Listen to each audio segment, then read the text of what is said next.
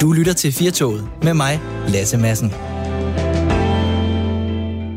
Hvad i al verden gik det der ud på, Pelle? Det var jo Dagmar, der er simpelthen... En- og velkommen tilbage til Firtoget. en Men ubehagelig oplevelse. er lige pludselig har hun bare skiftet, skiftet studie. Ja, ja, nej, et med Dagmar. Et. Så er det ind og stå skoleret. Hej Dagmar. Nej, du tager træerne. Nu er du gæst. Nu er du ikke vandet. Hvad gik det ud på det der, Dagmar? Jamen, øh, det var egentlig for jeres skyld. Jeg tænkte, at det var rart, at de lige kunne få lidt, øh, lidt pause, sådan så jeg ikke kommer herind. Så skal nu I stå og være nu er du gang i musestille. den klassiske, det er ikke dig, det er mig. Det er ikke Ja. dig, det er mig. Det er den, du har gang i nu. Ja, ja, Hvad- hvad- fuldstændig. Nå, bare, er, det mellem, er det mellem os, eller hvad? Er, der, er der et eller andet? Nej, Var jeg der- ikke god nok til at aflykke nyheder? Nej, du gjorde det skide godt. Nå. Jamen, jeg Nu skal er, bare lige... vi, nu er Altså, vi næsten sendt fem dage, og Dagmar, du har været med hele vejen, og nu går du din egen vej. Det er på mange måder et hårdt slag, men altså, fair nok. Vi må skilles på et eller andet tidspunkt. Det har ikke noget meget pille at gøre. Intet med jer at gøre i nogle dejlige drenge. Godt. Vi skal, det skal, vi skal snakke om højde i dag. På Dagmar, hvor høj er du? Oh, jeg, tror, jeg tror nok, mit pas siger 1,74, men det er vist en lille løgn. Når du er, du, er du lidt lavere? Jeg tror måske, jeg kun er sådan 1,72 eller sådan noget. Det er også fint. Ja, det er fint. okay, ikke? Dagmar, vi skulle bare lige høre, at det ikke havde noget med os at gøre. Og ved du hvad, de nyheder, de bliver afviklet så godt, selvom godt. jeg ikke var der. Tak fordi du lige ville bruge 30 sekunder på os. Selv tak. Ha' en god dag. God dag.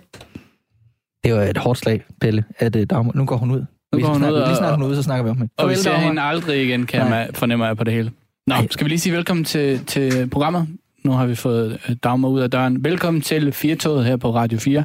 Et program, hvor vi undrer os. Hvor vi, det, det var jo meget i forlængelse af det, vi havde undret os over, hvorfor der ikke bliver sendt nyheder herindefra. Fred Ja, lige det. Det skal nøjagtigt. handle om organdonation. Den sad der første gang, organdonation. Vil du mærke det, Pelle? Det var smukt. Ja, det skal vi snakke om til sidst her i timen, og øh, hvis I derude har taget stilling enten til, at I er organdonor, eller I aktivt har valgt ikke at være det, så hører vi gerne fra jer, enten på sms'en 1424, i tekstfeltet skriver I R4 mellemrum, og så uddyber I ligesom den her beslutning. I må også gerne ringe ind, og det har du nummer, Lasse? Det har jeg. 72 30 44 44. Vi kan se allerede på sms'en, det, pop, det pipler, det, pop, øhm, det pipler. Det pop, vi får mange sms'er. Det er Mm. dejligt, og I skal endelig bare blive ved med at skrive. Det, det er helt fantastisk. Øh, kan, jeg ved ikke, skal vi tage en enkelt?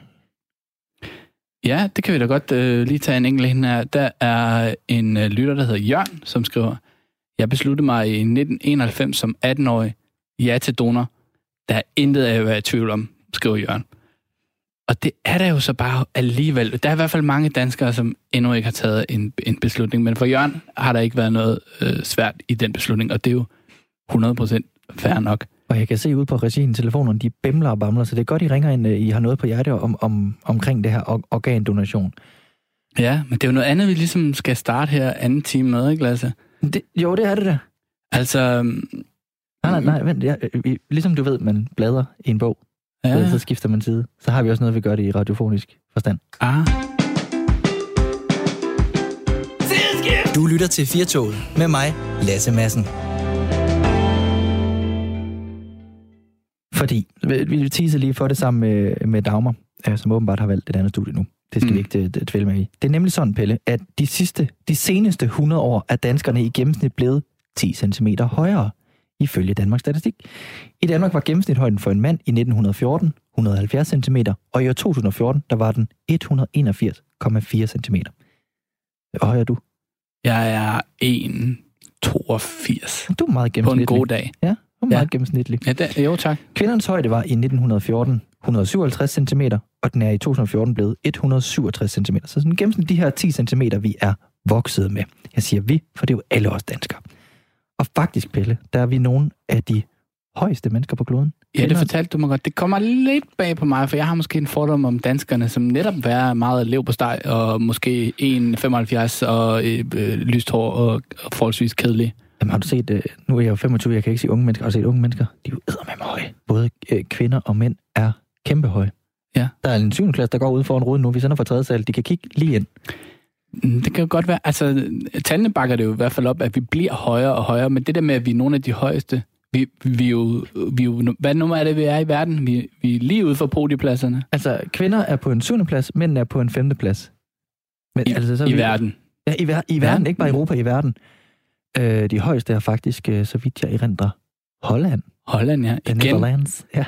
igen, jeg ved ikke, om det er noget med, at, der er så meget vand i det land, at de er nødt til at, ligesom at tage højde for det ved at blive højere. Så, så når der oversvømmelserne kommer, så kan de ligesom klare sig selv bare med, med de lange stænger. Ja, lige præcis. Men det er jo et program, hvor vi undrer os, ikke, Pelle? Og, og, og min undren i det her, altså nu er det sket de sidste 100 år, vi rykker os 10 cm. De næste 100 år rykker vi os også 10 cm, bliver ved med at rykke os, så sidst bliver vi 3. Altså til sidst bliver vi 3 meter høje.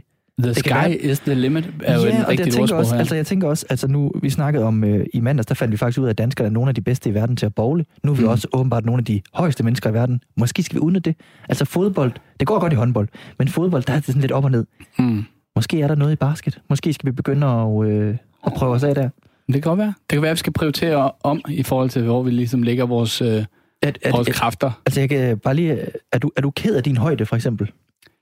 Nej, men øh, nu snakker du selv om fodbold. Da jeg var en, øh, en ung knæk, der var jeg jo målmand. Jeg spillede i øh, B frem, Saxkøbing, en, øh, ja, vil jeg lov at sige, top professionel fodboldklub nede på Lolland. Og øh, der kunne jeg da godt lige have brugt øh, 10-20 cm mere og give af. Det er jo en kæmpe fordel, når man er målmand, at man ligesom kan, kan rage op over alle Men du har andre. garanteret hurtigt sprang, som Våge har op og ned, eller hvad? Ja, jeg kompenserede jo klart, det er klart. Det, det kan man jo ikke se. Det er jo noget tid siden, ikke? Men det, det, nej, men det er jo, det er jo en gave måske- i forhold til nogle ting at være rigtig, rigtig høj. Men måske, altså nu, nu har du heldigvis formeret dig og fået et barn, hans barn, barn. Altså om 100 år, den generation kan måske være blevet 10 cm og fået de der 10 cm, du gerne vil have. For jeg tænker, bliver vi ved med at vokse?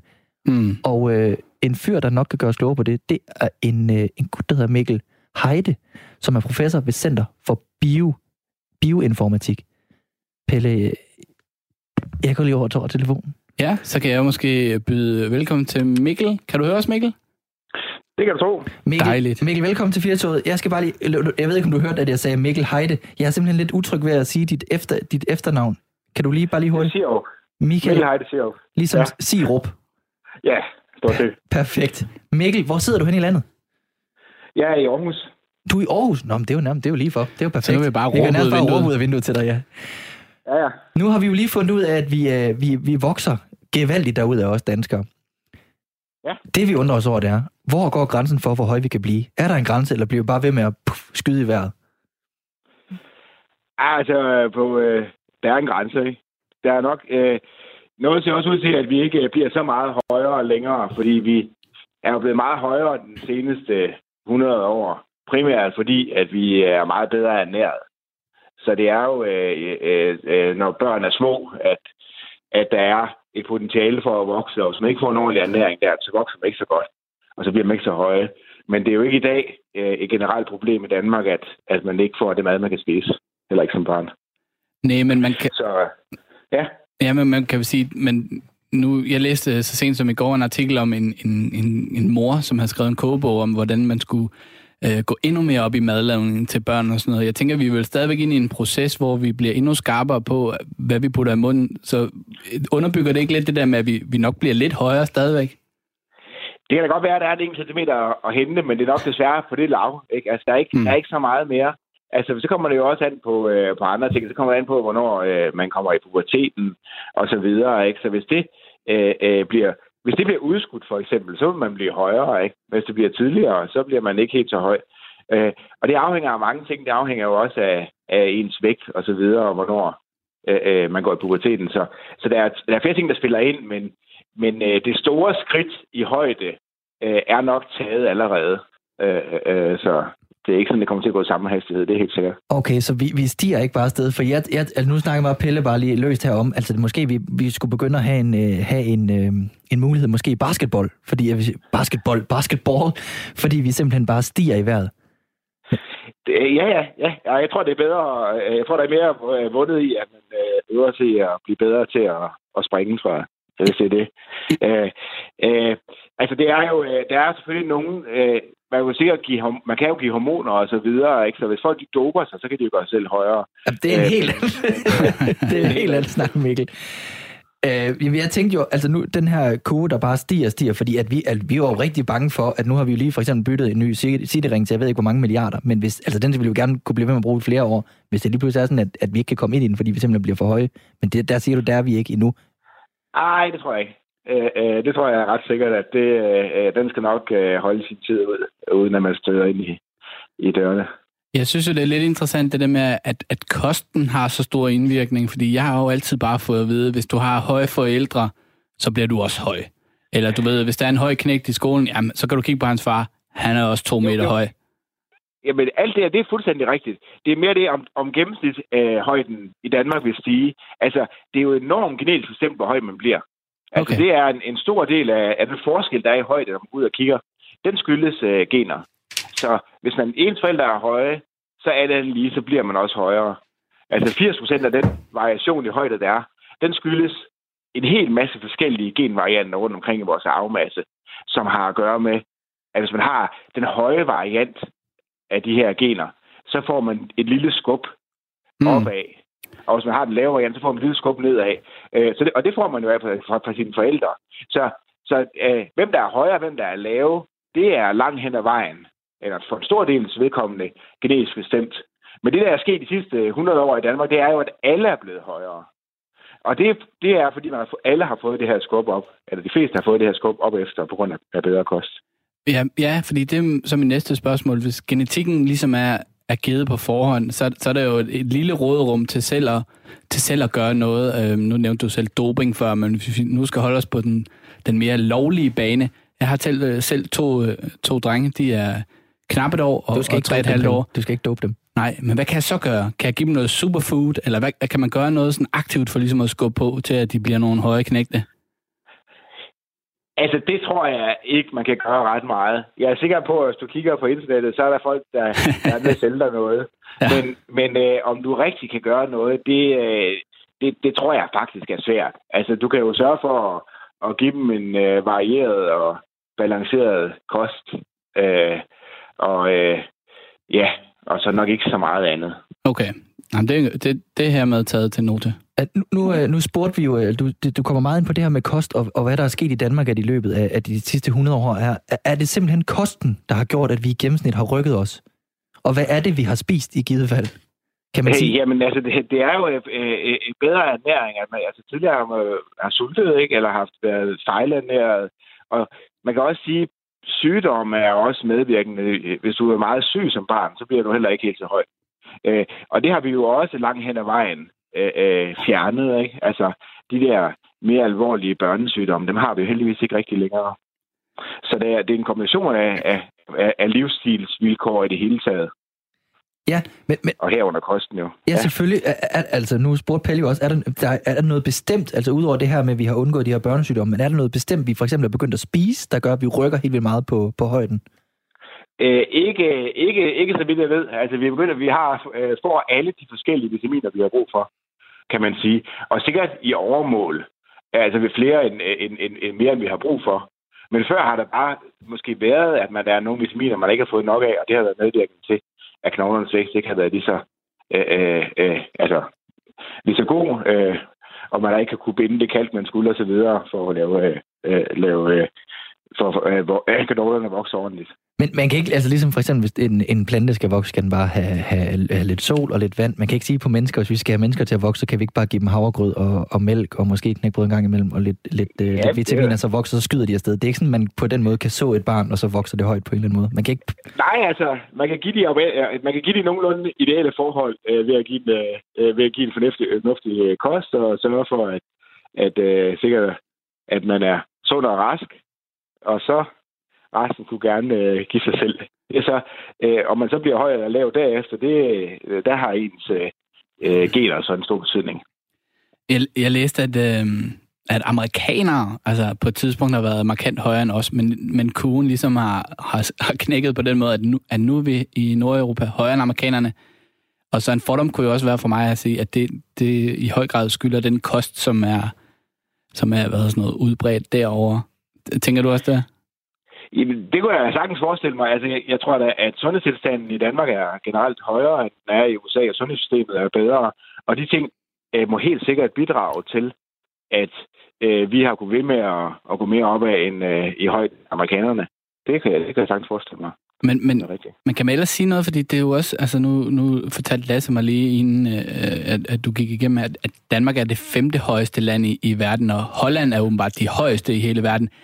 Kan man sige noget i forhold til, hvorfor at de forskellige lande øh, varierer så meget i højde, fordi jeg går ud fra, at, at danske og hollandske og tyske og svenske osv. osv. ikke lever meget forskelligt. Men der er jo en, øh, tydeligvis en eller anden form for højdeforskel. Altså, det ved man en hel masse om. Altså, man ved, at der er en hel masse forskellige steder i vores afmasse, som har at gøre med, om man øh, har tendens til at, altså, varianter, som kan gøre en mere eller mindre høj. Og der er det simpelthen noget at gøre med, at i nogle steder, nogle populationer i Holland, der har man alt andet lidt, lige lidt flere af de her ting, der giver en nyk opad.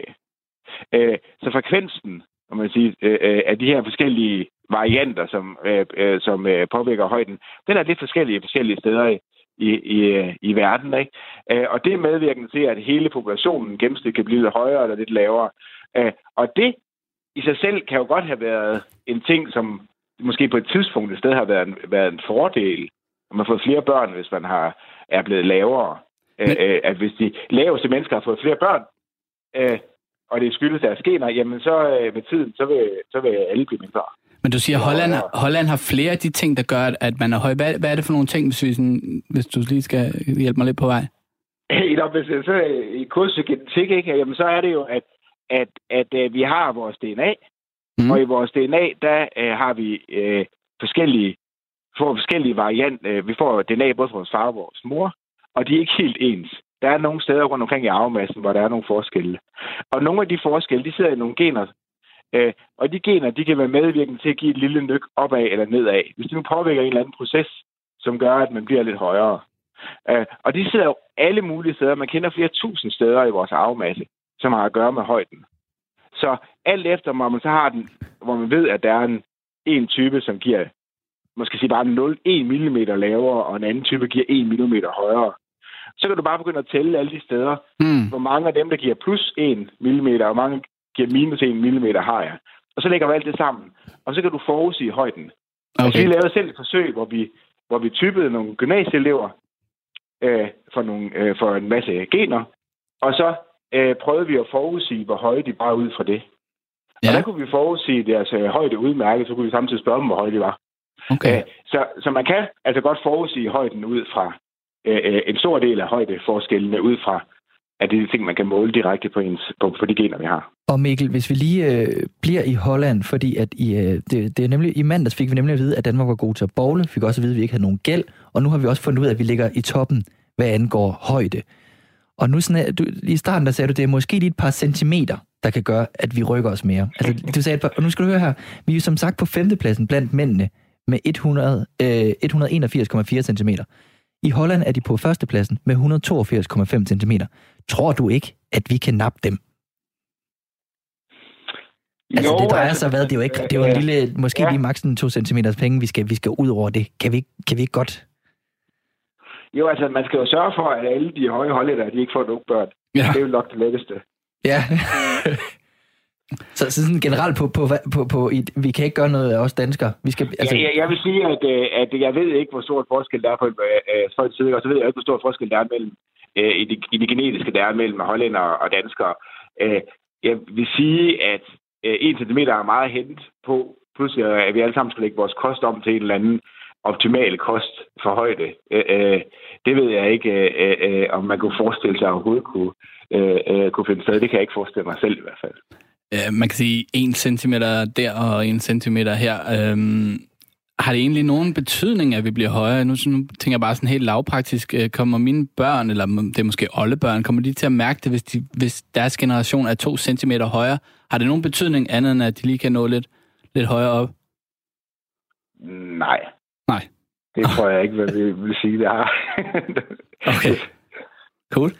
Jeg tænker, Mikkel, bare lige her øh, til sidst, hvis vi lige skal, vores øh, grundunderen her, det var jo, hvor grænsen for, hvor høj vi kan blive, var. Og, og, og, hvis vi lige skal tage den igen, den, den siger du egentlig, den er, den er, den er nået. Altså, det, det drejer sig om måske et par millimeter, centimeter, vi vokser, men vi tager ikke 10 centimeter mere de næste 100 år.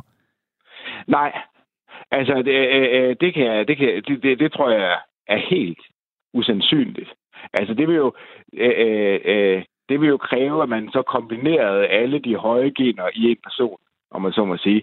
Øh, og, og det vil jo ikke sådan ske. Altså, der er så mange forskellige varianter, så det er ikke øh, sandsynligt, at det øh, vil ske. Altså, så øh, øh genetisk set har vi, øh, øh, er der ikke nogen grund til at tro, at det skal ændre sig. Øh, og og på de andre ting, jamen, så tror jeg heller ikke, at, øh, at der er nogen livsstilsvilkår, som kunne gøre ret meget højere. Nej. Men Mikkel, du skal i hvert fald have tusind tak, fordi du har gjort os øh, høje på højder, og øh, ikke mindst øh, klogere på det. Mikkel Heide Schiop, for, som er professor ved Center for Bioinformatik. Var den ikke helt lige i øjet der, Mikkel? Jo, det er super. Tak skal du have. Tak fordi du var med, og have en fortsat rigtig god dag. I lige måde. Ja, det var skønt, og øh, måske også betryggende. Vi bliver ikke tårnhøje, vi bliver bare Jamen, jeg bliver jo Lidt nervøs som, højere. øh, som øh, øh, bosiddende københavner med den sidering der. Altså, om jeg kan, du ved, den har jo kostet mange penge. Ja, jeg tror ikke, du skal være bange for, at du personligt bliver... Hvad mener Meget, du? meget højere. Hvad mener du med det? Jeg tror, du har nået din max. Jeg er 100... Hvor høj var du? 81, 82. Jeg er 100, er 185, er jeg. Ja. Flot, flot ung mand. Flot Best- høj, det bestemt. har jeg altid fået at vide. Du er så høj og flot, Lasse. Men, Det er ikke øh, altid. Det, det var en, der sagde det. men så er det sagt i hvert fald, ikke? det er det. Pelle, det er jo som sagt øh, taleradio. Men øh, en eller anden, jeg ved ikke, hvorfor du er blevet musikchef her på Radio 4, men Nej. det er i hvert fald, hver gang vi skal spille en sang, så er det mig, der jeg kigger på, fordi det er dig, der har bestilt den. Ja, Hvad skal vi høre nu? vi skal høre et nummer, øh, der hedder Sort Tulipan. God fornøjelse derude. Så ses vi lige på den anden side. Er, er du tilfreds med det oplæg til musikken? Ja, indtil du begyndte at, at tale, så var jeg rigtig tilfreds. Undskyld, der kommer sort tulipanen nu.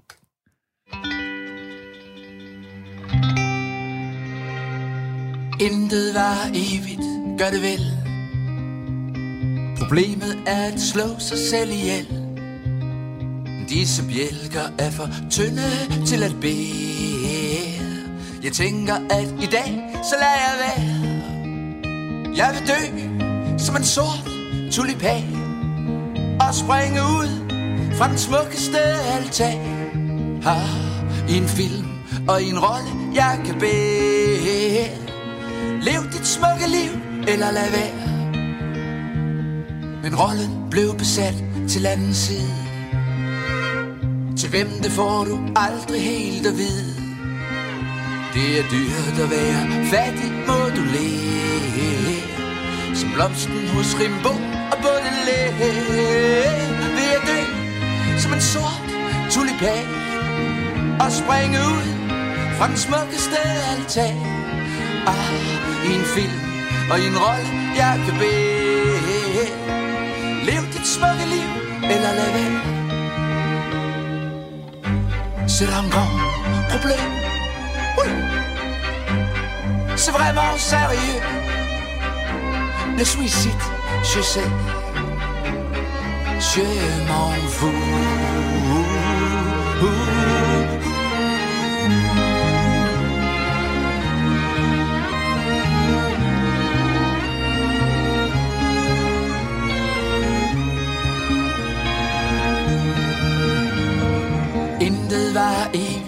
gør det vel.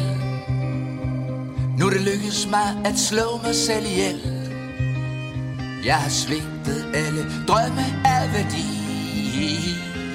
Lev dit stille liv og let it be.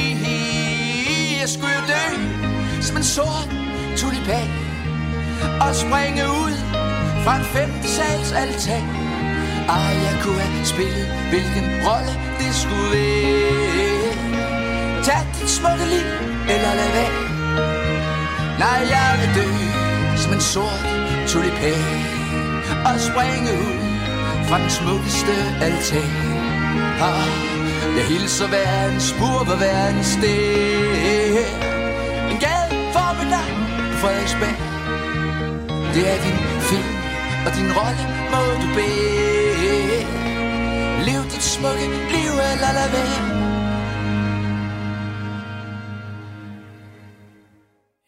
Yes, sikke et dejligt nummer og et lille afbræk. Selvom det er en taleradio, så kan vi godt lige slappe af en gang imellem og nyde et stykke musik. Jeg synes, det var meget smuk, Pelle. Nå, Lasse.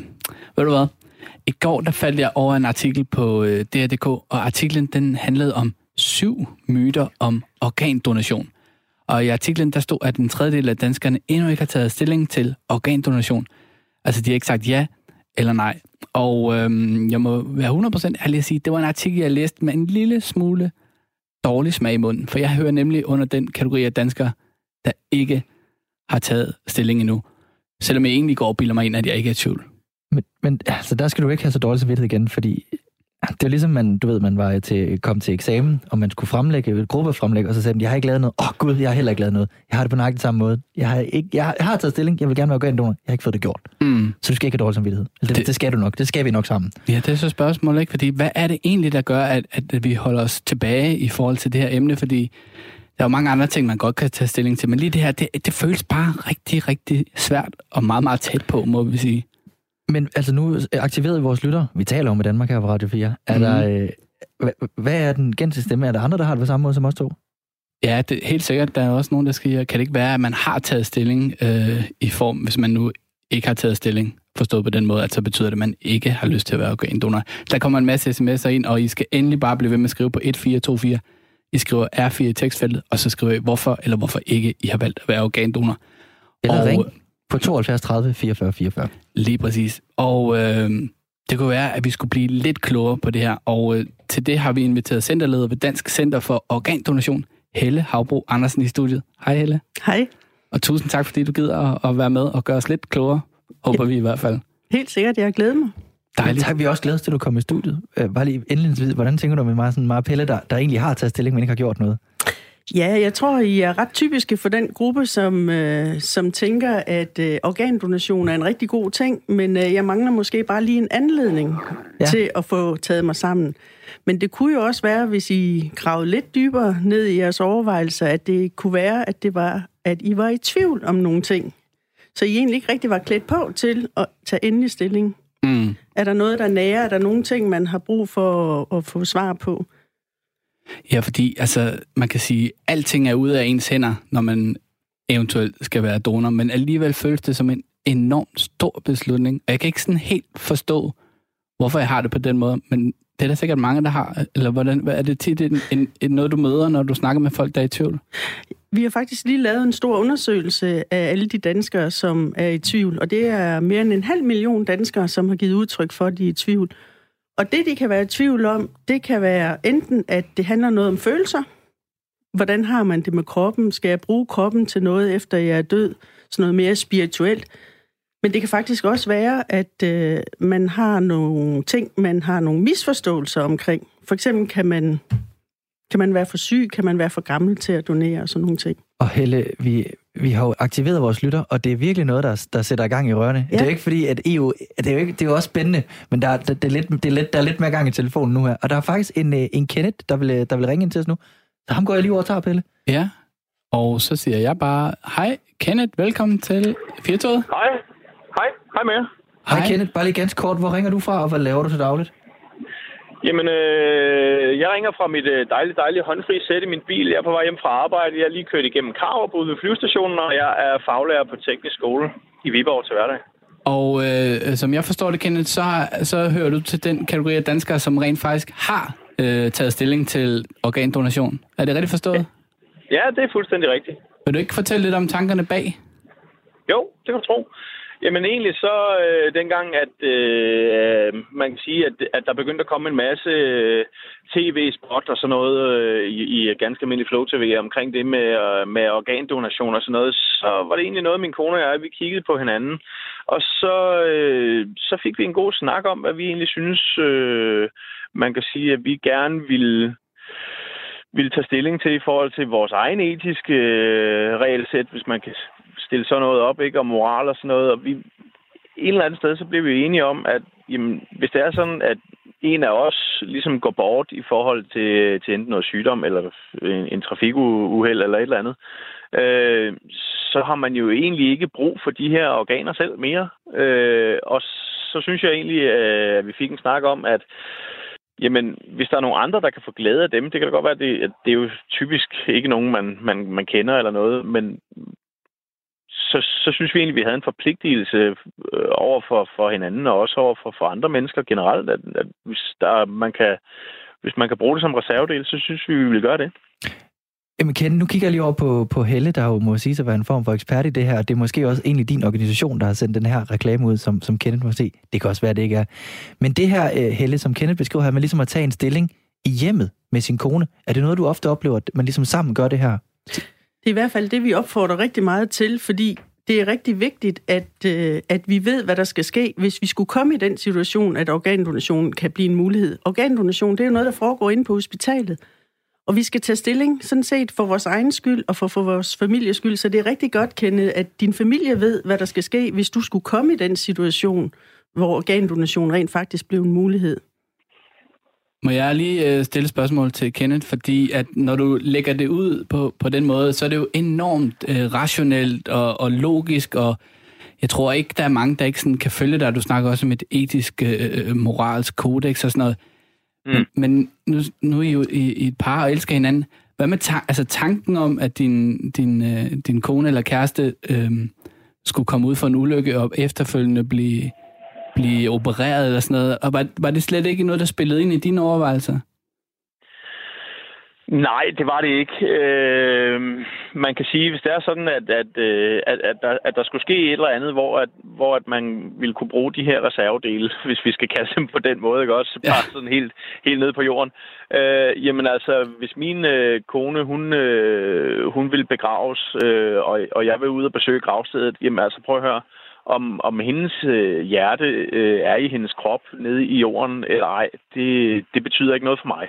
Øh, og altså, man kan sige, for min kones vedkommende, så, så er hun godt klar over, at, øh, at, at hvis jeg skal herfra, så vil jeg brændes, og, og så kan det jo være det samme.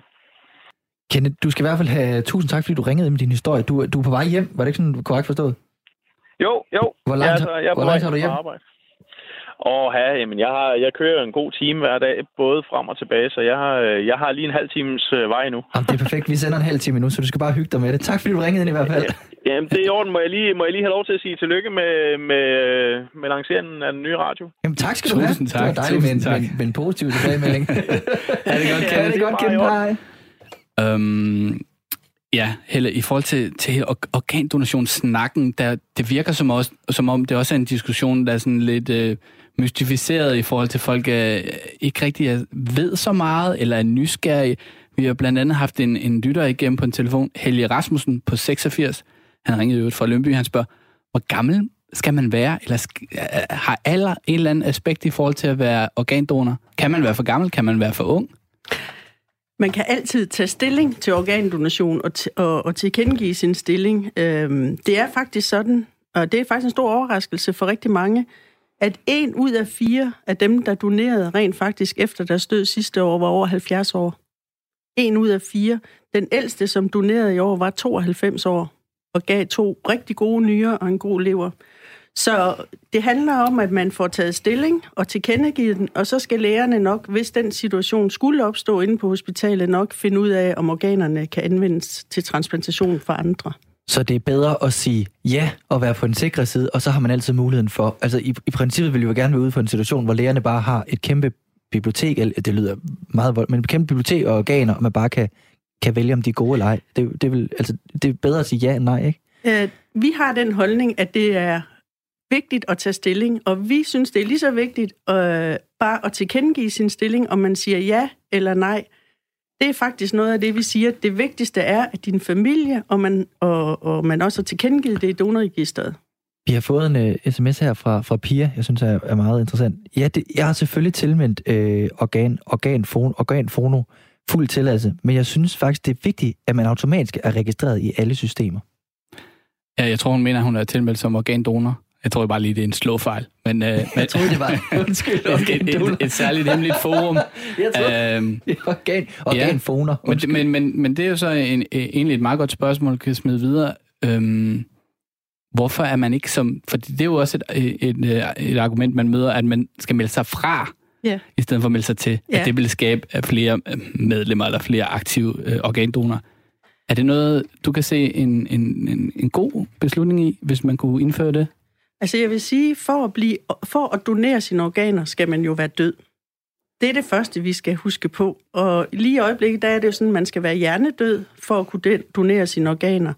Så det, det, om man er automatisk tilmeldt registret eller ej, det har sådan set ikke noget at gøre med, om man får mulighed for at donere. Det, der er vigtigt, det er, når muligheden er der, at man så rent faktisk ved, hvad den, der øh, er død, vil, eller familien. Helle, bare lige sådan rent. Ja, du har så mange, ja tak, det er fordi, du har så mange fine pointer. Det var sådan, det kom. Du gik tættere på mikrofonen. Ja, det er jeg så går lidt dejligt. tættere på. Ja, det er så Ja. fint. Ja. Noget, noget, som flere har skrevet, det er, at de har en holdning til, at hvis man vil modtage, så skal man også give. Det Ja. virker som om, at der er en del, der, der melder sig ind i registret, netop fordi de også gerne i, en, i den anden situation gerne vil modtage organer, hvis de får brug for det, og dermed se en eller anden form for sammenhæng i, at jamen, så skal jeg selvfølgelig også give.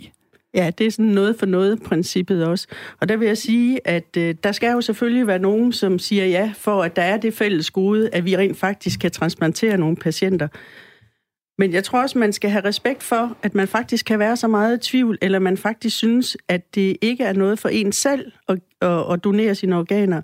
Men så er det bare sådan, at vi i vores kultur har sådan, at vi faktisk ikke har noget for noget princippet i sundhedsvæsenet. Så man kan godt være... Jeg vil synes, vi skal have respekt for, at man kan være i tvivl, eller man faktisk er modstander af organdonation. Når vi ser i donorregistret, så er der jo 92 procent af dem, der har registreret sig derinde, der siger ja, og kun 6 procent, som siger nej. 9 ud af 10 danskere er faktisk rigtig positive, så jeg synes, vi skal respektere, at der er nogen, der bare aldrig bliver i stand til at træffe den her beslutning, eller overlader det til sin familie. Mm. Og, øh, og en, der også er øh, positiv omkring organdonation, det er, det er Carsten. Ham går jeg lige over og tager fælde. Ja, så, så, så kan jeg jo sige, hej Karsten. Hej. Hej. Carsten, ganske kort. Hvor befinder du dig, og hvad laver du til daglig? Øh, jamen, jeg arbejder med IT til daglig, og jeg bor i Lykken. Perfekt. Så er det på plads. Dejligt. Øh, er du organdonor, Karsten? Det har jeg været i så mange år, jeg ikke engang kan huske det. Snart. Hvor gammel er du, Jeg Carsten? har slet ikke... Jeg er 48, 48. og jeg har det der princip, der er også noget for noget. Jeg, jeg har simpelthen ikke respekt over for nogen, som siger, at de ikke vil aflevere, men de vil gerne have. Mm. Den dag, hvis nu de skulle stå og mangle et eller andet dag, så skal de sgu nok være der. Øh, og forvente et eller andet sted, at vi andre vi bare skal levere. Øh, det synes jeg er forkert. Men jeg Og jeg synes også, det burde være automatisk tilmelding. Jeg kan nærmest også høre på dig, Øh. Carsten. Du, du, det, det er en sag, der ligger lidt på sende. Du, du, du er nærmest... øh, Nu vil Jamen, jeg lægge over, at du er øh, lidt vred faktisk, eller sådan lidt... Altså, jeg synes, jeg synes, det er sådan lidt egoistisk. Ja. En egoistisk tankegang at have, at man bare siger, at jeg vil ikke, jeg vil ikke have, jeg vil, min, altså min, mit hjerte skal I sgu ikke have, fordi det skal jeg begraves med, fordi nu har jeg en eller anden spirituel holdning til et eller andet. Jamen, det er jo sådan noget mærkeligt noget, fordi hvis nu man kommer i den situation en dag, og så sidder der, og man skal have et nyt hjerte, jamen så vil man jo rigtig gerne have det her. Mm. Men, Men... Øhm, og, så, og, så, og så er det bare ligesom, jeg tænker, jamen øh, nej. Fordi man, hvis man vil have, så må man også give. men hvad nu, hvis jeg synes, man ikke det, når det, det, det mindste, man kan gøre over for andre, kan man Ja. sige. Men hvis man nu ikke når at tilmelde sig, altså nu jeg jo, øh, jeg, jeg har jo lige erkendt, at jeg, jeg er ikke meldt ind, men, men, men, Ja, men bør nok gøre det. Men, ja, jamen det gør jeg også, jeg skammer mig. Men, men, Men, vi skal øh, nok gøre det. Det lover men jeg, jeg er Carsten. fuld af gode intentioner. Øhm, og jeg tror, Men der hvorfor er... vil du så ikke, øh, hvorfor, hvorfor har du så ikke gjort det? Fordi jeg synes ikke, hvis man, øh, øh, du er en yngre generation, end jeg er, Mm, øh, og jeg synes, der er et eller andet sted, hvis man kigger lidt oplyst på det, og sådan var lidt rationelt på det, jamen så giver det da god mening at sige, jamen, hvad, hvad skal jeg med det, når jeg skal herfra? ja, og det er den der rationalitet, jeg har, jeg har svært ved at finde nogle gange. Tusind tak, fordi du kom, og, eller du ringede ind og gav din øh, holdning. Tak for det, Carsten. God Ja. dag, Carsten. Hej. Ja, tak lige måde. Hej. Nå, nu smider jeg den over til dig, Helle. Det, det er tydeligvis også noget, folk har stærke... Hold, op. Skål, Pelle. øh, stærke holdninger til, og der er følelser der bliver involveret. Det kunne jeg mærke, da Carsten han ligesom, han begyndte at snakke, at der, det, altså, ja, det er der noget for noget, og altså, det virker så virkelig, som om folk sådan, har holdninger til det. Ja, og, og hvis man selv har, er meget afklaret med, at kroppen bare er et hylster, og det skal vi ikke bruge til noget mere, så kan jeg jo sådan set godt forstå, at man har den holdning, for så betyder kroppen ikke noget, men jeg tænker stadigvæk, at man også kan prøve at se det fra de sider af, hvor, der, hvor de måske har en anden opfattelse af, hvad kroppen er. Vi ved, der er for eksempel rigtig mange, som siger, jeg vil donere alt, men jeg vil for eksempel ikke donere mine øjne, Mm. altså mine hornhænder. Det er da mm. også irrationelt. Altså som du sagde, Ja. du vil kremeres. Altså, mm, hvorfor vil man så ikke donere sine hornhænder? Men ja. der er bare, det er noget med følelser, og hvis man selv er meget afklaret, så kan jeg godt forstå, at man ikke kan forstå, at alle ikke er lige så afklaret som en selv. Ja, ja, ja, præcis. Men vi må have den respekt for, at øh, nogen kræver lidt mere tid. Ja, Maja. Og det, man kan gøre, det er jo sådan et program som her, hvor vi får lov til at diskutere, hvad er det, der kan være i spil, man mm. er i tvivl om. Ja, for der, vi har nemlig også fået en sms, hvor der står, jeg har sagt ja til at være organdonor, for hvis min hjerne står af, har jeg jo ikke brug for den mere. Det virker bare logisk. Ja. Men det lyder for dig, så logisk er det måske ikke i sidste ende, når det kommer til det. Det er for rigtig mange logisk. Ja. Fordi vi ved jo, at to ud af tre danskere har taget stilling, og de har ikke været i tvivl. Og 6 procent, meget, meget få af dem, der er der stilling, altså der er det, de siger nej. Langt de fleste er afklaret med, at de gerne vil donere. Så vi har den her omkring halve million danskere, som endnu ikke er afklaret, og som faktisk har brug for at tale om noget af det irrationelle. Mm. Øh, og nogen har også brug for at få afklaret nogle af de her misforståelser. Altså, hvordan ser man ud bagefter, når man har doneret sine organer? Kan min familie være der? Kan de tage afsked inde på hospitalet? Kan man have en almindelig begravelse? Rigtig mange får forvekslet organdonation med det at donere sin krop til videnskaben, hvor man jo ikke ser kroppen bagefter. Hvor man ved organdonation jo kan have en bisættelse og et, en afsked, som ved alle andre dødsfald. Mm. Vi har lige et spørgsmål fra en, øh, en lytter. Det er Tommy fra Bevtoft, som spørger, kan man registrere sine børn?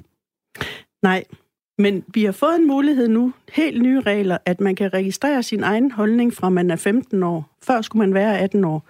Så man kan ikke registrere sine børn.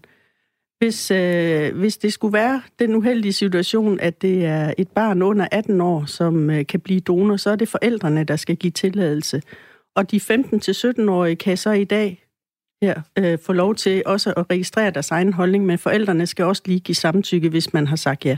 Okay. Der er en her, der skriver, jeg vil gerne være organdonor, men har ikke meldt mig ind, måske fordi stillingtagen gør døden til en realitet, altså i mit eget hoved. Det skriver Alexander. Det kan jeg godt sætte mig ind i. Nu, øh, nu har vi hørt øh, øh, lytter, som var organdonor, folk der ringer ind. Øh, nu ringer Morten ind, som har en lidt anden holdning. Han har faktisk sagt nej. Øh, jeg tænker lige, vi får ham igennem nu. Hej Morten. Hej Morten. Hej. Ganske kort. Hvor ringer du fra, og hvad laver du til daglig? Øhm, jeg ringer sådan fra Midtjylland, lige midt mellem Randers og Viborg. Ja, og hvad laver og du til daglig? jeg, jeg øh, arbejder som ingeniør i en Okay. lille smedvirksomhed. Det jeg kan forstå, det er, du har sagt nej, fordi at Nej, du... jeg har faktisk ikke sagt nej. Nej, okay. Jeg har ikke taget stilling, og jeg nægter at gøre det. Ja, det må du lige forklare. Jamen, det er fordi, at jeg, jeg mener, at øh, dem, som der ikke vil donere deres organer, de har jo helt klart en holdning til det. Ja. Så, så, så, så hvis... Øh, og og, og jeg, jeg er pisse ligeglad med, hvad der sker med min krop, når jeg dør. Øh, om den går til forskning, eller den går til at redde nogle andre. Fint nok for mig, jeg er ikke mere. Øh, og, og det burde være default. Det, det, det, så, så når jeg er ligeglad med min krop, så, så er det da dumt, og, og at vores system er sat op på at afhænge af folk, der er ligeglade. Så, Så, så det burde selvfølgelig være default. Og så alle dem, som der ikke vil donere deres krop, de vil jo med det samme gå ind og sige, nej, det må I ikke. Ja, altså, så, så din, din manglende stillingtagen er i virkeligheden sådan en samfundsprotest. Ja, Øhm, jeg mener helt klart, at uetisk råd har øh, vist, hvor, hvor elendige de er, og, og, og at de slet ikke er deres position værdige. Okay, jamen... De øh, har, de har forpludret debatten med, med deres øh, øh, ævl om øh, øh, en eller anden ret til vores døde krop, eller at vores familie på en eller anden mærkelig måde har en eller anden ret til vores døde krop. Altså, det, og det bunder af alt sammen i en eller anden forkvaklet gammel øh, idé om øh, religion og vores læme efter døden og øh, udødelig se- sjæl. Og, Ja. ja. det, og det er bare, hold nu op. Ja, Morten, Øh, det, det er i hvert fald, øh, du var i hvert fald meget på hjertet. Jeg, vil i hvert fald starte med at sige tusind tak, fordi du ringede ind og kom med, med, med en anden side af den her organsnak. Nej, ja, men der er én ting mere. Og det er selvfølgelig, at det burde være default. Og hvis du fravælger, og, og, og, og at dine organer skal bruges til andre, så skal du selvfølgelig heller ikke have lov til at få organer selv. Og Nej. længere er den jo ikke. Det er det eneste moralske og etiske, der overhovedet kan komme frem til i den her debat. Og, og det tager fem minutter at komme frem til, og efter 10.000 år vil du sgu ikke være kommet til noget som helst anden konklusion. Så Morten, er man direkte dum jo. Morten, den er her med givet videre. Tak fordi du ringede og have en rigtig god dag i, øh, i Midtjylland. Jo tak i lige måde. Hej, hej. Hej. Ja, det var Morten. Man kan mærke hele, det er noget, der, der vækker stærke følelser i folk. Ja, og det er især blandt dem, som har en meget afklaret holdning til det. Ja. Det, der sker, hvis vi lige skal følge op på det her øh, indslag, det, det er jo, at hvis man ikke selv har taget stilling, og situationen skulle opstå, så er det ens familie, der bliver spurgt. Så Ja. det er sådan, at hvis man vil sikre oh. sig, at, øh, at man selv enten bestemmer, eller at man har forberedt sin familie på, at, øh, at øh, vi skal, øh, at det her spørgsmål kommer, hvad vil jeg så selv? Så man kan rent faktisk sige i donorregisteret, jeg vil gerne donere, men det er under forudsætning af, at min pårørende giver den endelige accept. Men vi skal bare vide, hvis vi ikke selv får taget stilling, enten det er ja eller nej, så bliver de pårørende spurgt i en meget, meget svær situation, hvor man Mm. lige har mistet. Så det vil sige, at, at hvis jeg nu kommer ud for en, for en ulykke, og vi siger, at I er Pelle og, dig- og dig, Helle, er I Ja. en familie, Ja. så bliver I spurgt, Ja, tror I Lasse har lyst til det her? Nej. Og så Vi bliver spurgt, vil I sige ja til organdonation af Lasses på organer? hans vegne? Yes. Okay, jamen det kan jeg godt se, for Ja. det er jo, så, så er det selvfølgelig vigtigt, at man går, at nu, at gå aktivt ind og siger ja eller nej, for ellers, så, som du siger, står de i en lidt træls situation ovenpå at have mistet. Det er jo en helt umulig situation og total kaos, hvis man lige har mistet den, man elsker allerhøjst, og så få det her spørgsmål og være totalt uvidende om, hvad du selv har ønsket, eller skulle ind i den tankegang, Hmm. øh, hvor man faktisk har brug for noget helt andet. I, uh, I den her artikel på, på DR.dk, som var de her syv uh, myter, der blev skudt ned, der var en, en myte, som åbenbart er udbredt, og jeg tænker, at, at, at den er godt lige at få, få skudt ned her også i radioen. Der er åbenbart mange, der tror, at hvis man melder sig som uh, organdonor, så uh, kæmper lægerne mindre for dig, når du ligger på operationsbordet, fordi så kan de jo eventuelt bare bruge dig bagefter, som uh, ja, ordet reservedel blev brugt tidligere, ikke? Men, men der, der er åbenbart folk, der er bange for, at man bliver nedprioriteret, hvis man er organdonor i forhold til at holde dig i live. Hvorfor tror du, den myte er opstået? Jeg tror, det har noget at gøre med den måde, vi rent faktisk taler om organdonation på, hvor vi får i tale sat os selv som en ressource for andre. Der hvor vi har nævner jo også, at vi er reservedelslager, så man får ligesom i tale sat os selv for at være ressourcer for at redde andre. Hmm. Øh, og det kan jo være med til at få den opfattelse af, at så vil sundhedssystemet og lægen jo nok hellere have organerne, end at de vil redde os.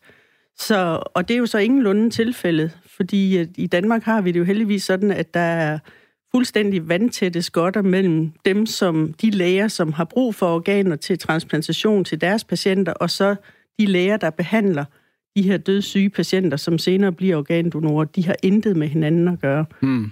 Jamen, Vi har faktisk fået en, en, en ret spændende, eller en, en god sms her. Jeg vil rigtig gerne være organdonor, men har ikke meldt mig ind. Måske fordi stillingtagen gør døden til en realitet, altså en i ens eget hoved. Ja. Det er jo også, altså vi snakker jo, døden, det er jo det eneste, vi er sikre på her i livet. Vi skal dø på et eller andet tidspunkt. Mm. Det er også lidt det, der er lidt uhyggeligt, fordi så er det ligesom om, at man bliver mindet om, at man er udødelig. Præcis, og det her med jinx-tingene, ikke? Ja. Altså, ja, at man måske, og det kan jeg godt følge, øh, at det kan man, og det er jo irrationelt. Det ved vi alle sammen godt. Ja. Der er også nogen, der tænker, hvis jeg melder mig ind i donor, eller hvis jeg registrerer mig i donorregister, så klapper fælden på den måde, at så har jeg en gang bestemt mig, og så kan det aldrig laves om. Og det skal man jo vide, at man kan jo sådan set ændre holdning hele tiden, og man kan Okay, registrere ja. hver eneste dag, kan man registrere en ny holdning, hvis mm. man vil det. Ja. Så der er ingen fælde, der klapper øh, i forhold til, at øh, det, det kan være, når man er ung, så har man ikke så mange bekymringer, når man bliver ældre, vil man måske gerne have sin familie mere på banen, så kan man ændre det. Og man kan hele tiden skifte holdning derinde. Jeg har sådan et, øh, et mærkeligt forhold til, til tro, tror jeg. Altså, jeg tror på et eller andet, men mm. Kan ikke lige sætte ord på det. Og det kan også skifte lidt fra dag til dag. Og det kan jeg mærke i den her de- debat, og i den her stillingtagen fylder det et eller andet for mig. Det er svært at definere, fordi på den anden side, og så videre, og så videre, er det noget, et, noget du oplever i forhold til det her tvivlsspørgsmål? Måske i forhold til ja eller nej. Ikke i forhold til at tage stilling, men i forhold til at donere sine organer. At folk har en eller anden angst eller tvivl om, hvad nu hvis. Og man kan genopstå, altså livet efter død, efter livet og så videre. ja. Altså, jeg har jo hørt nogen tænke, øh, som har været krist, troende kristne, som tænker, at øh, hvis jeg nu ikke har alle mine organer, kan Gud så kende mig, øh, når jeg skal genopstå i himmeriget eller i efterlivet? Og der er det jo så dejligt at høre en præst sige, jamen det er jo derfor, du er blevet døbt. Og når du får korsets tegn øh, ved dåben, så har du fået det vandmærke, så Gud altid kan kende dig, uanset om du har dine organer eller ej, uanset om du mangler arme eller ben. Så det er en måde at adressere øh, den øh, frygt eller øh, Mm. ja, tvivl. Ja, lige på. præcis. Ja. Jamen, det var dejligt lige Mhm. mm-hmm. At få den vendt. Der er også en, der skriver, at det er et af de få steder, hvor man selv, altså, hvor man selv bestemmer stadigvæk. Ja, det var den her øh, snak, vi havde lytterne igennem, der sagde, selvfølgelig skal man øh, per default være øh, hvad hedder sådan noget, registreret til at aflevere sine organer, fordi man skal ikke bruge dem. Og så modargumentet er, det er et af de få steder, hvor staten ikke bestemmer os, stemmer over os. Det er, når vi rent faktisk er døde. Så det er selvfølgelig to poler øh, i Og jeg- forhold til, hvor liberal man er. tænker, altså nu har vi lige et minut, to minutter tilbage med dig, Helle. Det er først og fremmest har det været en helt fornøjelse at få dig med i studiet og gøre os lidt klogere. Jeg tænker, Pelle, det synes jeg, vi skylder lytterne, fordi at nu har vi stået her og, øh, og fået at vide, for det første har vi fået at vide, hvis vi ikke har lyst til det, så kan vi bare melde os ud. Øh, Mm. og nu har vi snakket om, at vi vil egentlig gerne, og nu står du her, Helle. Så jeg tænker, når vi er færdige med at sende her om syv minutter, øh, og du lister selvfølgelig ud af studiet lige om lidt, men når vi er færdige med at sende om syv minutter, gider du hjælpe os med at få os registreret? Det kan du tro. Er det, er det ikke, vil det ikke bare være det? Er Og det ikke? er I afklaret, så suser I direkte ind på sundhed.dk, og er I ikke derude helt afklaret, så suser I lige ind på organdonor.dk og får lidt mere viden. Og det, øh, hvad hedder sådan noget, 1 million kroner spørgsmål er selvfølgelig, Helle, er du registreret? Det kan du tro, jeg er. Åh, det var godt. Det er helt perfekt. Helle, tusind, tusind tak, fordi du vil, øh, du vil være med her. Og, øh, og budskabet er jo bare, ikke øh, ja eller nej, men tag stilling. Er det ikke det, vi går videre med herfra? Ja, tusind tak til dig, Helle Havbo Andersen, som er centerleder ved Dansk Center for Organdonation. Tak fordi du er med her. Du lytter til Firtoget med mig, Lasse Madsen. Ja, så fik du lige hævet mig med ind i... I det den. synes jeg, det er, det er det mindste, vi kan gøre, Pelle. Ja, Nu har vi stået her, og vi, har, vi, har også, altså, vi kan jo sige, at vi havde en EU-ekspert, vi er jo medlem af EU, så nu synes jeg også, vi skal være medlem. ja, ja, det er jo helt den gamle med... Ej, jeg har også en ting med at melde mig ind i alt muligt. I mandag skulle jeg være medlem af en bowlingforening. Jeg synes, det, det Ja, men det er som om organdonation kommer alligevel, kan jeg mærke, lidt tættere på en, en, end et spil bowling. Men, men fair nok, hver ting øh, har sin berettigelse. Ja, sikkert en, øh, sikkert en time, vi har haft her, var. sikke to timer, vi har haft her. Altså, det er To timer, ja, det er helt fantastisk. Hvis vi lige skal tage, starte med øhm, starte med starten, det er et godt sted at starte, ikke? Jo. Vi havde noget med Brita-sagen og anonym, anonym, anonym, anonym, anonym Pelle. Ja, Anonym, kan det, kan det lade sig anonymitet på gøre? nettet. Kan man slette alle sine digitale spor? Det fik vi jo svar på. Det kan man jo desværre nok ikke 100 procent. Nej. Men man kan tage sine forholdsregler, og det var det, Brita Nielsen ikke gjorde, da hun sad i sit øh, sikkert rigtig dejlige hus i Sydafrika og googlede løs, hvordan hun kunne tage det ene fængselophold øh, foran det andet, eller hvordan hun kunne gemme sine smykker, eller starte en fond, eller hvad det hun nu gjorde. Og det var jo lige til at lukke op og læse og dele med hele verdenspressen. Og så fik vi snakket med, øh, med Mads, som øh, sammen med Tine Toft er øh, vært på et program, der handler om EU, der hedder Lobbyland her på Radio 4. Vi fik øh, godt nok øh, kom, vi var totalt på udbanen med det EU der, men jeg synes, vi blev sat godt ind i det. Vi fik sat uh, Mads på, uh, på, på et spot. Han uh, skulle forsvare EU det bedste, han kunne, og det klarede han til Jeg nåede lige at fange ham i, i nyhedspausen. Øh, han stod lige ude på altanen og lige fik noget frisk luft. Det var ham vel ondt efter at have haft os igennem øh, en masse spørgejørn timer her. Ja. Så øh, havde vi en anden time, hvor vi snakkede om højde, og vi havde ligesom øh, troede, vi skulle slå os op på at være basketballspillere. Vi troede, vi, nu skulle vi bare, altså nu er eskaleret, nu blev vi tre meter høje. Der fik vi ligesom sat en dæmmer på. Det gør vi nok ikke rigtigt. Nej, det er som om, vi har nærmest toppet rent højdemæssigt. Øhm, det er rigtig nok gennem de sidste 100 år, er vi blevet 10 cm højere. Det er jo skønt, Og så, men det stopper så, nok her. og så fik vi så rundet af med, øh, med Helle, der var inde i studiet og snakke organdonation. Og der har vi så simpelthen valgt nu, eller jeg har på dine vegne valgt, mm. Mhm. at det skal vi altså ud og gøre. Øh, jeg skal lige kigge ud i regien. Ko- øh, øh, skal, Dagmar, kommer hun her og sender nyheder? Nå, godt. Er du sød at sende hende nu? Er du sød at sende hende nu? Er du sød at sende Dagmar ind nu? Ja, Det skal jeg lige have, hvad søren det her det går ud på. Tre minutter tilbage. men nu er vi jo blevet gode venner med Danmark igen. Ja, på, jamen på en eller anden måde, men det har det også bare sådan lidt, Pelle. Du kan heller ikke bare komme krybende tilbage. Jeg synes, jeg synes et andet sted, det er sådan lidt. mm, Man skrifter jo, hvis man har begået et eller andet syndigt, så det går det ud fra, at Dagmar også gør. Åh, åh. Hej, Dagmar. Hej Dagmar. Du kan bare, du kan bare gå hen til din, øh, til din nyheds, øh, nyhedsarrangement. Så er du tilbage. Goddag. Hvem Hej, kommer nu Dagmar. krybende tilbage, hva'? Jeg kunne ikke undvære jer. Nej. Jamen, Hvad gik det så ud på det der med, du lige pludselig ind i et andet studie? Jamen, det er simpelthen det er logistisk, jo. Mm. Jeg mangler lidt et nyhedsstudie, så jeg pendler lidt frem og tilbage, alt efter hvor der sådan lige er, er, er plads og mulighed Ja, for, hvor det lige er for sjovest, og hvor det lige er... Jeg vil sige, det var, ikke, det var ikke sjovere end i det Lugter andet vi? studie. Der Lugter stod jeg jo helt alene. Så Lugter det er da klart hyggeligt at være herinde. Nå, det er jeg det glad for. Nej, det synes jeg ikke. Nå, det det synes var jeg ikke. Nej. Men jeg er også lidt forkølet, så det kan godt være, altså, at det ikke helt går igennem. Vi har simpelthen haft et, øh, et fantastisk program, hvor vi har snakket om, øh, om højder og alt muligt. Øh, det er fordi, vi har vokset, de sidste 100 år, der har vi vokset 10 cm. Og så har. Pelle ligesom haft øh, en ekspert igennem, der gør os klogere på, om vi, om vi så de næste 100 år også vokset 10 cm. Det gør vi ikke. Vi stopper nu. Vi er stoppet nu. Men måske hvor høj var det, du sagde, at du var? Jeg er nok i virkeligheden 1,72. Ja, fordi gennemsnithøjden, det er faktisk øh, øh, 100, øh, 170 cm. Uh, ja. Nå, nå. Så ligger du på Så ligger jeg i den gode ende. Ja, ja, ja. Wow, Det er wow. helt Jeg perfekt. er helt imponeret over mig selv nu. Der er lidt at give af, hvis det skulle... Man bliver jo lidt, lidt kortere med alderen, og det er jo faktisk lidt trist, men man, man synger jo lidt sammen, så du kan, det kan være, du rammer de 170 om 30-40 år. Ja, der kommer nok også ned på 1,65 eller et eller andet. Det jeg skal bliver der rigtig være gammel. Der, det skal være der vel ondt, Dagmar. Det Dagmar, skal være du der skal vel læse nyheder lige om et lille minuts penge. Jeg, jeg, jeg, Det skal jeg. jeg vil sige farvel til vores lytter. Farvel og fortsat god aften. Godt, det var søde Dagmar, som øh, vi har fået i studiet igen. Det er jeg meget tilfreds på. Om et minuts penge, der skal der sendes nyheder. Hvis vi lige skal, skal, skal runde, runde det hele af, så har vi haft en, en fantastisk dag, Pelle. 100 procent. Og det bedste er jo, Lasse, at det her program, som bærer den fine titel, Firtoget, det sender ikke kun i dag. Det sender faktisk hver evig eneste eftermiddag i tidsrummet 15 til 17. Ja, Et program. til fredag.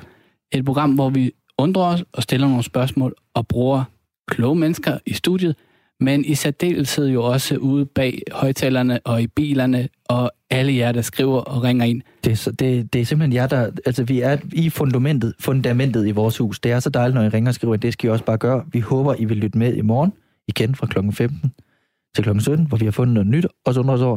Det er en fornøjelse at lave det her, Pelle. Ja, og øh, det vi så kan undre os over indtil i morgen, det er, hvad skal vi snakke om? Det er jo det, der bliver spændende. Det finder vi ud af. Nu synes jeg i hvert fald, vi skal lade Dagmar snakke, for nu har vi snakket nok. Nu kommer der altså nogle nyheder.